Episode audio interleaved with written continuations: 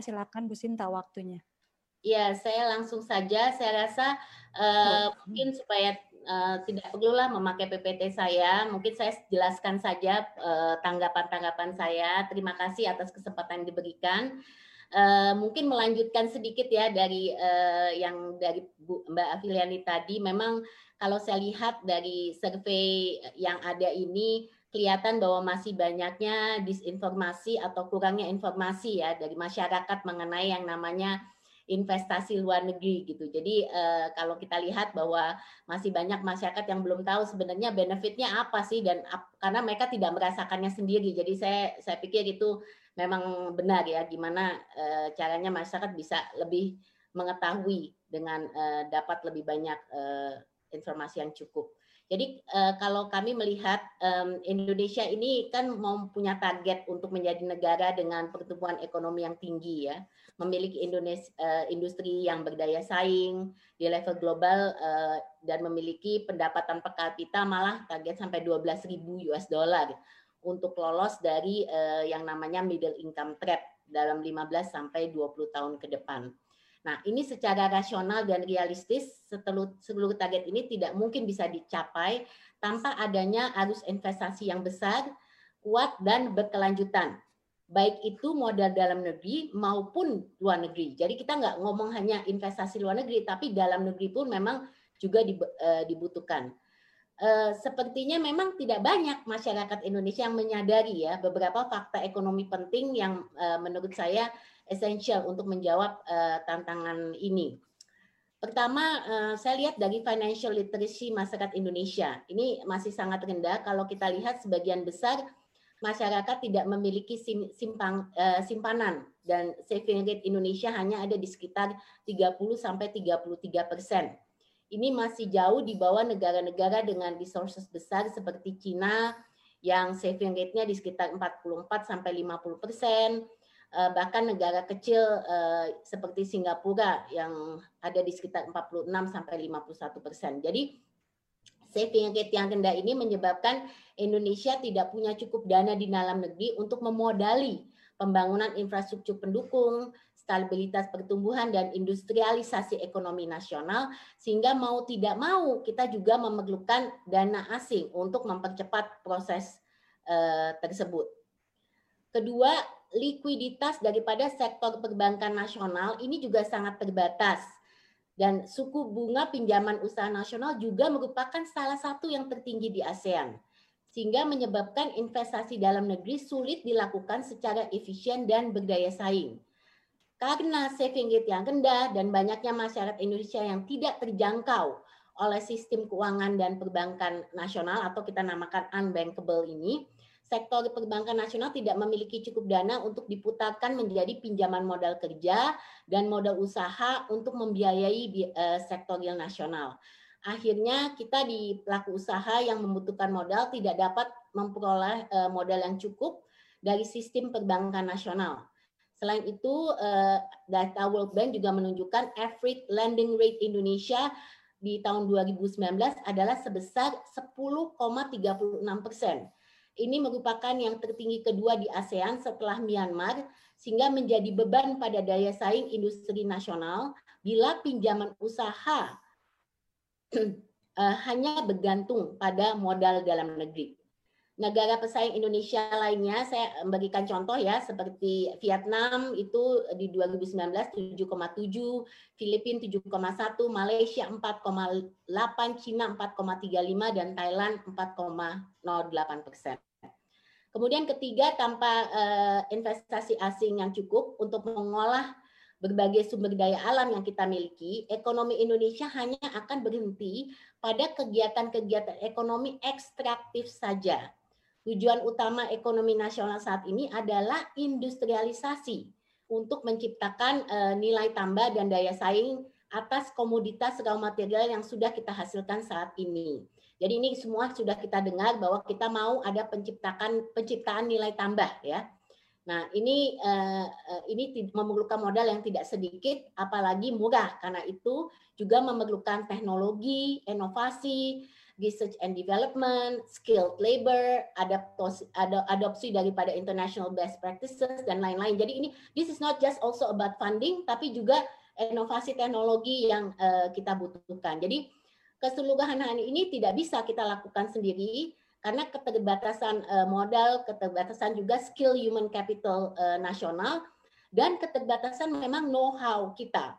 Jadi ini uh, ini uh, dengan adanya investor asing, uh, ini teknologi juga bisa ditransfer sehingga daya daya saing ekonomi Indonesia tidak hanya stagnan di sektor tertentu. Ini saya rasa juga sangat penting dan kenapa Kadin juga dari awal selalu mendukung yang namanya kemitraan. Jadi kalau kita bilang menarik investor asing itu bukan berarti hanya bisa informasi investor uh, masuk sendiri, tapi juga bermitra dengan investor lokal. Ini yang banyak kami uh, promosikan uh, pada saat ini. Kemudian yang keempat, uh, memang pemerintah Indonesia sendiri uh, uh, juga bukan suatu negara yang mempunyai sumber pendanaan yang tidak terbatas gitu. Nah ini yang mungkin anggapan yang uh, agak salah ya. Mungkin uh, banyak masyarakat mengatakan oh ini semua bisa dibawa Indonesia sendiri aja. Kita nggak perlu uh, pembiayaan dari uh, negara lain. Jadi kalau kita uh, nggak mau hanya sekedar uh, mencetak uang dan tidak mau berakhir seperti Zimbabwe dan Venezuela yang mengalami resesi ekonomi sistem sistemik dan uh, mengalami inflasi malah lebih dari 1000 persen ini uh, makanya kenapa uh, selama ini juga pendanaan stimulus COVID kita pun juga terbatas dan memang untuk memperbesar stimulus pemerintah harus meningkatkan rasio utang luar negeri dan penerbitan bond di pasar modal asing. Jadi dengan keempat poin di atas, uh, saya memang uh, uh, menyadari bahwa inilah mungkin uh, masyarakat Indonesia masih memiliki persepsi yang uh, kurang paham ya terhadap hal-hal yang kita alami saat ini. Jadi um, untuk bila kita tidak terutama saat ini dengan situasi COVID juga dengan banyak layoff, banyak juga yang di PHK dirumahkan. Ini ini semakin penting bahwa uh, um, apa kita harus lebih terbuka dan juga uh, menyambut tadi Mbak Aviani juga sebut mengenai relokasi dan segala macam ini kita harus ambil kesempatan ini untuk menarik uh, investasi asing. kemudian uh, secara logis juga uh, memang kita bisa pahami ya bahwa uh, persepsi masyarakat terhadap investasi asing juga sangat tergantung pada exposure daripada responden. Jadi ini menarik exposure terhadap responden di kehidupan mereka. Jadi ada beberapa hal yang dapat mungkin mengkontribusikan pandangan masyarakat yang kurang favorable terhadap investasi asing tersebut Uh, pertama berdasarkan data Bank Indonesia, memang FDA yang masuk ke Indonesia lebih banyak ada di pasar modal ya dibandingkan di sektor real, sehingga FDI yang memberikan dampak namanya kita kita uh, sebutkan trickle down um, economic effect yang langsung kepada masyarakat yang juga tadi disebutkan dengan penciptaan lapangan kerja dan peningkatan penghasilan uh, ini memang uh, tidak begitu kelihatan karena yang lebih banyak kelihatan bahwa mereka masuknya uh, melalui uh, pasar modal. Jadi uh, apabila kita hitung lebih detail, memang nilai FDI per kapita Indonesia masih sangat jauh ya dibanding dengan FDI per kapita di negara ASEAN lainnya. Nah ini kalau kita spesifik bicara undang-undang uh, RUU Ciptaker, memang uh, tanpa RUU Ciptaker Indonesia tuh tidak memiliki instrumen yang cukup berarti untuk bisa mengkonversi FDI di pasar modal itu untuk masuk ke sektor real yang dapat memberikan uh, uh, efek positif yang lebih uh, tangible, jadi lebih langsung dan lebih juga mempengaruhi uh, favorable kepada masyarakat.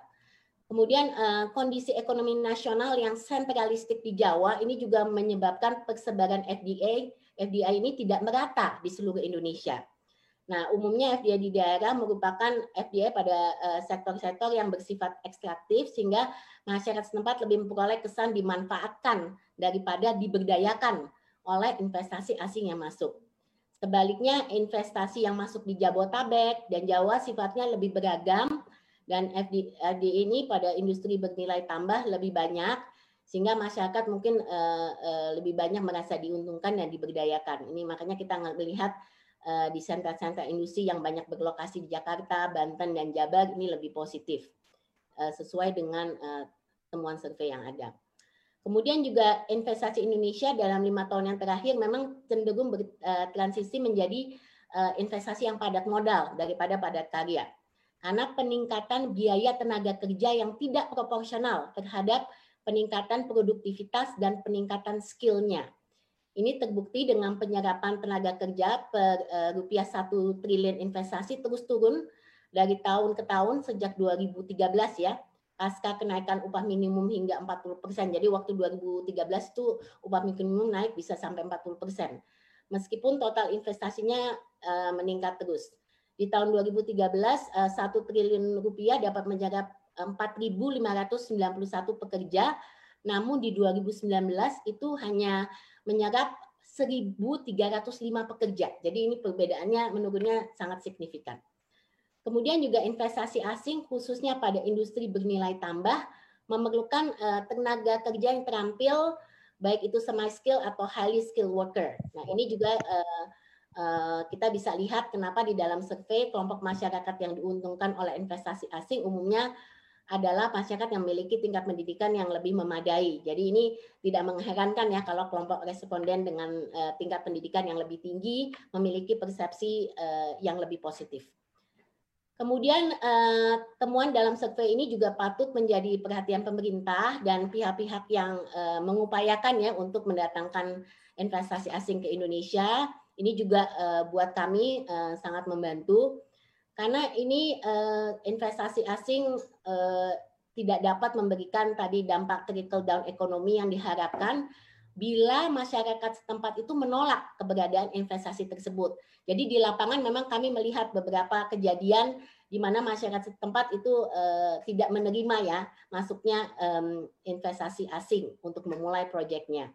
Sejak tiga tahun terakhir, bila dilihat dari ease of doing business, tadi Mbak Aviani juga sudah mention, terhadap uh, terdapat memang stagnasi terhadap proses reformasi kebijakan ekonomi Indonesia sehingga makin banyak pula investor asing yang mempertanyakan keseriusan Indonesia dalam membuka diri bagi investasi. Ini juga ada di Global Investment Competitiveness World Bank ya. Jadi 2019-2020 yang menemukan bahwa stabilitas politik dan makroekonomi serta kepastian hukum merupakan tiga hal yang paling esensial dalam menarik investasi asing pada saat ini.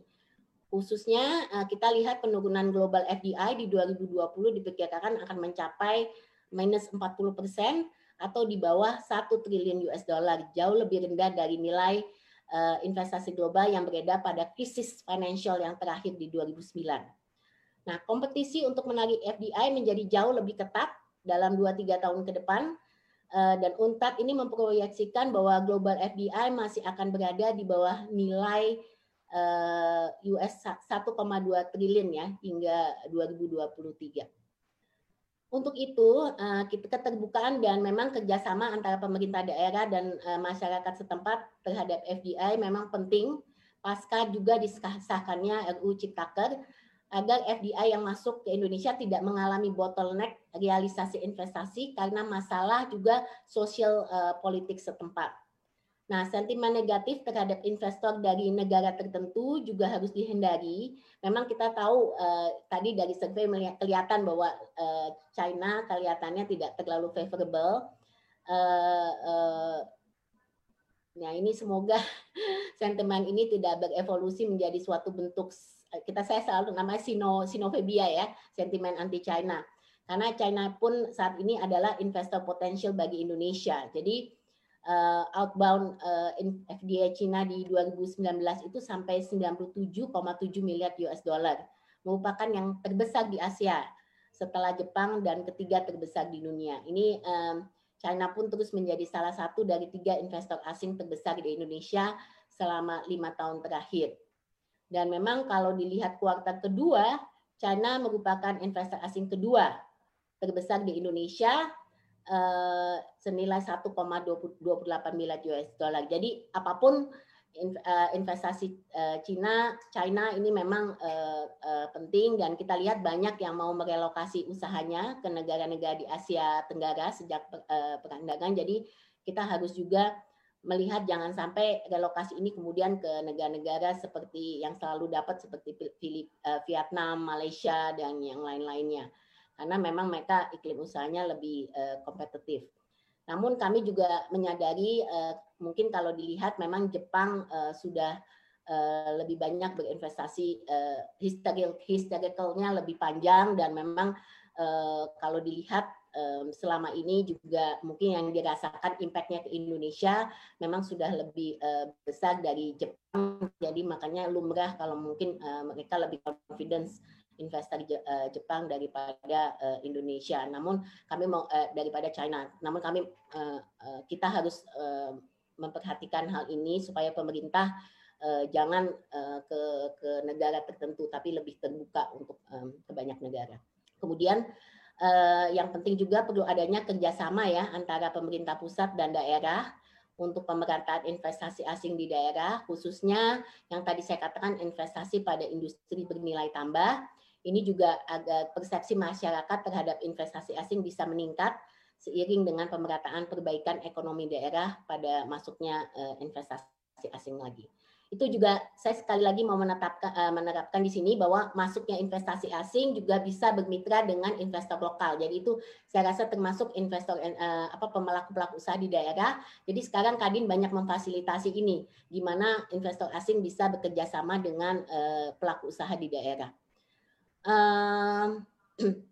Ini juga tadi saya juga sudah sampaikan ya exposure-nya akan lebih baik kalau manfaatnya lebih tangible dan um, um, FDI ini juga harus dikondisikan untuk uh, juga uh, bisa dilakukan. Tadi kan uh, sudah di pemerintah tuh sebenarnya sudah memberikan insentif-insentif ya baik itu fiskal dan uh, non fiskal. Um, ini saya rasa mungkin perlu dilanjutkan, tapi memang insentif itu tidak sufficient. Pada akhirnya tidak hanya bisa karena insentif itu cuma sweeten lagi itu tambahan. Pada akhirnya yang fundamental ini uh, yang perbaikan-perbaikan ini yang memang harus kita uh, perhatikan. Nah, seiring dengan uh, pengesahan RUU Ciptaker, um, saya rasa koordinasinya juga saya rasa penting antara uh, pusat dan daerah. Dan kami juga di Kadin Indonesia memang uh, mempersiapkan ya. Jadi pada akhirnya kalaupun RUU Ciptaker ini sudah disahkan, yang penting kan kita mesti cepat bisa merealisasikan uh, investasi uh, yang masuk. Nah, ini saat ini juga memang yang kita lihat dengan kondisi COVID, memang mungkin banyak tantangannya, tapi ini justru menjadi dorongan buat kita agar Eh, negara-negara kita sudah mapping negara-negara yang perusahaannya mau relokasi ini bisa segera kita tarik. Jadi memang saat ini kita juga di Kadin khusus uh, memfokuskan hal ini. Kita punya business service desk yang melakukan business matching dan melakukan uh, bekerja sama dengan pemerintah baik itu ke Menlu, ke Mendak itu memapping juga investor-investor bersama BKPM investor-investor yang mau masuk ke Indonesia.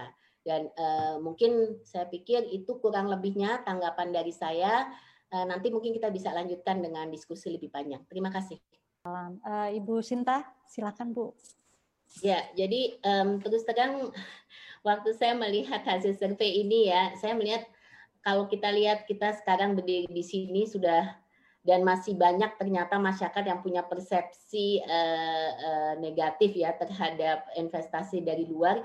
Ini sebenarnya hal yang sangat menguatkan ya terus terang buat Indonesia karena uh, gimana pun juga investasi ini kan bagian yang sangat penting ya untuk pengembangan ekonomi kita ke depan gitu. Jadi saya melihat memang urgensi untuk melakukan sosialisasi sangat besar dan ini uh, terutama juga uh, bagi uh, masyarakat uh, bawah ya. Jadi juga untuk uh, tadi kan kalau dilihat dari responden kan seperti buruh tenaga kerja gitu ya yang yang juga masih banyak uh, bernilai bahwa uh, investasi ini bisa bukannya malah menciptakan lapangan kerja tapi malah mengganggu mereka uh, menguatkan akan mengganggu uh, uh, pekerjaan mungkin mereka sendiri gitu. Jadi uh, saya ini ini menurut saya menjadi prioritas yang sangat penting terutama pada saat kita sekarang uh, pemerintah sedang menggodok uh, eh, RUU Ciptaker di DPR dan um, uh, semoga juga nanti dari uh, Pak Fasol dan teman-teman di DPR juga bisa bantu gitu bahwa